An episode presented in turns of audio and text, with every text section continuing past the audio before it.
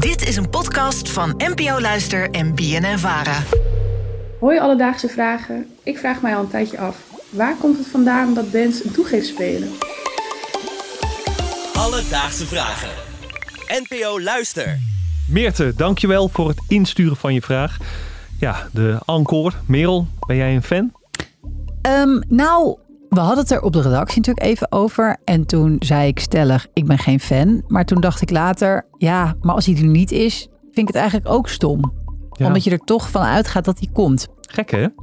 Nou ja, er zal weer een of ander verhaal achter zitten waarvoor wij hier nu zijn. Ja, dat gaan we deze aflevering ook zeker eh, uitzoeken. Trouwens, een van mijn een bands die ik heel leuk vind, die doet het niet, een encore. Gewoon standaard niet. Nee, nou, tenminste ze spelen wel een encore, maar ze gaan niet eerst van het podium af om dan weer terug te lopen. Want ze zeiden, ja, in die tijd dat wij van het podium aflopen, hadden we ook een extra nummer kunnen spelen. Kijk, en dat is nog eens even op de knip. Precies. Het had een Nederlandse band kunnen zijn, Ja. maar dat is niet zo. Eh, terug naar de vraag van Meerte. En om nou te achterhalen waar dit fenomeen vandaan komt, belde ik met Atse de Vriese van muziekplatform 3 voor 12. En volgens hem moeten we daarvoor een stukje terug de geschiedenis in. Nou, de grap is dat het eigenlijk uit de klassieke muziek komt. Al in de 19e eeuw had je in Frankrijk het eh, gebruik dat als een orkest iets speelde wat het publiek mooi vond, dat ze riepen om een encore. Dat is een Frans woord immers, dat zijn we bijna vergeten, want we kennen het nu als een soort van Engels woord, een encore. Maar het komt uit Frankrijk en ehm, het was in heel Europa gebruik. In, eh, in Italië noemden ze het ancora. En toen Mozart eh, zijn eh, nieuwste werk primeurde in, in Wenen, met de keizer erbij. werd er ook gevraagd om een toegift. En dat is dus uit de tijd dat je ja, eigenlijk geen opnames had. Hè. Je had alleen maar bladmuziek die door orkesten gespeeld werd. Dus als je een bepaald nummer of een stuk wilde horen dat je mooi vond, dan moest je gewoon dat live in een concertzaal gaan bekijken. We danken dus aan de klassieke muziek en eigenlijk het gebrek aan opnameapparatuur. Want ja, als je toen in die tijd een nummer mooi vond, ja, dan was de enige manier om het nog een keer te horen om erop te vragen. Smeken gewoon. Smeken, ja, inderdaad. Encore, Encore. please. Of Nog een- nee, s'il vous plaît. S'il vous plaît, inderdaad. Eh, nou ja, naast de klassieke muziek vertelde Atse dat er ook nog een andere theorie is waar dit vandaan komt. En daarvoor moeten we meer naar de toneelwereld. In de theaterwereld, op eh, Broadway met name, daar heb je natuurlijk ook het gebruik dat een artiest of de, eh, de cast van een eh, musical of een theaterstuk terug op het podium komt om te buigen. En daar heb je ook soms een encore, als het publiek heel enthousiast is en allemaal eh, gaat staan en een staande ovatie geeft, dat de cast afloopt en weer terugkomt om nog een keer een buiging te doen. Dat is tegenwoordig in het theater heel normaal. Het komt eigenlijk vanaf Broadway. En dat is eigenlijk ook een soort encore, een soort extra buiging als dank voor de getoonde dankbaarheid van het publiek. Ja, dat klopt. Ja. Dat doen ze inderdaad in het theater ook, ja. De eerste keer dat ik eh, bij een theatervoorstelling was en dat zag, dan dacht ik echt, wat gebeurt hier? Want ze bleven maar terugkomen. Het was echt wel vijf of zes keer. Ja, dat je denkt, hmm, dat voelde lekker, dat applaus. Ik ga het nog een keer halen. Ik snap het wel dat ze het nog een keertje doen. Ja. Nou, tegenwoordig is het dus zo gegroeid in de popmuziek dat je het eigenlijk wel verwacht, wat jij al zei. Eh, maar wat Adse mij ook vertelde en wat ik wel een leuke anekdote vond, er waren in de geschiedenis van de popmuziek genoeg grote artiesten die het gewoon echt weigerden om het te doen. Elvis, die deed het nooit, mocht hij niet van zijn manager. Omdat eh, ja, de manager die vond het belangrijk dat de mensen hongerig bleven, dat mensen naar huis gingen en meer wilden. Vandaar ook de, de, de beroemde uitspraak, Elvis has left the building. Hij ging gewoon weg en eh, dan was hij gewoon, dan was hij gewoon voetzie. En iedereen dacht, eh, komt hij nog terug? Nee, hij komt niet terug. De Beatles deden ook nooit toegifte.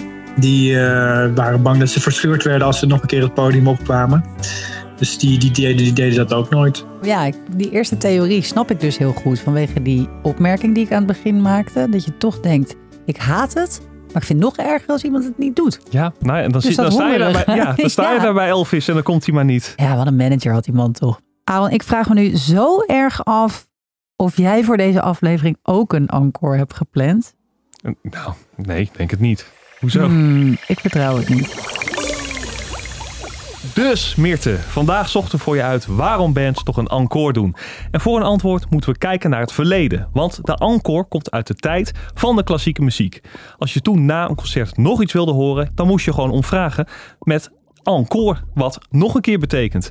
En ook zou het mogelijk uit Broadway komen, waarbij de artiesten nog een keer het podium opkomen als bedankje voor de aandacht en de waardering van het publiek. Heb jij ook een vraag? Stuur ons dan een berichtje op Insta. Dat kan naar Alledaagse Vragen. Maar je mag ons ook mailen op alledaagsvragen.bnnvara.nl en dan zoek ik het voor je uit.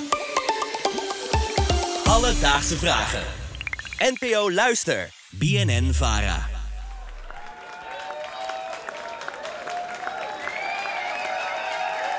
Oké, oké, eentje nog. Merel, ja, sorry, ik heb er toch eentje. Ik, ik, moest het doen. het. Ja, ik moest het doen met dit onderwerp. Ja, maar dat is ook omdat ik gewoon wist, we hebben het nog helemaal niet over die psychologie van die encore gehad. Nee, inderdaad, want daar ga ik het nu eventjes over hebben. De psychologie van de encore. In mijn zoektocht naar een antwoord op de vraag van Meerte stuit ik ook op nog een verklaring waarom artiesten het doen.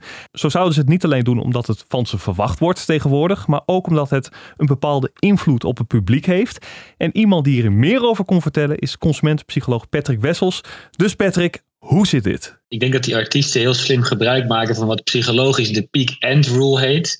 Dat betekent eigenlijk dat binnen een totale ervaring, laten we zeggen een concert, onthoud je eigenlijk na afloop maar twee dingen. En de twee dingen die je onthoudt zijn de piek, dus het moment waarop het echt voor jou heel bijzonder was, en het einde. Die twee dingen, die blijven in je brein zitten. En hoe lang het duurde en wat er tussendoor allemaal gebeurde en de rest van de ervaring, dat vergeet je eigenlijk een beetje. Dus als je aan het eind nog iets heel bijzonders doet, een encore, dan zorg je er eigenlijk voor dat je die piek hebt, plus een bijzonder einde. Nou, die twee samen zijn geweldig, dus je hebt een geweldige ervaring en je hebt een mooie herinnering. Waar ik nu nog wel heel benieuwd naar ben, is wat mensen van deze aflevering gaan onthouden. Ik zou het lullig vinden voor Atse als ze zijn verhaal niet onthouden. Nou, Aaron, ik denk toch dat dit eh, zeven minuten lang hoogtepunten aan hoogtepunten Ze onthouden alles. zijn. Ja. Nou, daar gaan we dan maar vanuit. Alledaagse vragen. NPO Luister. BNN Vara.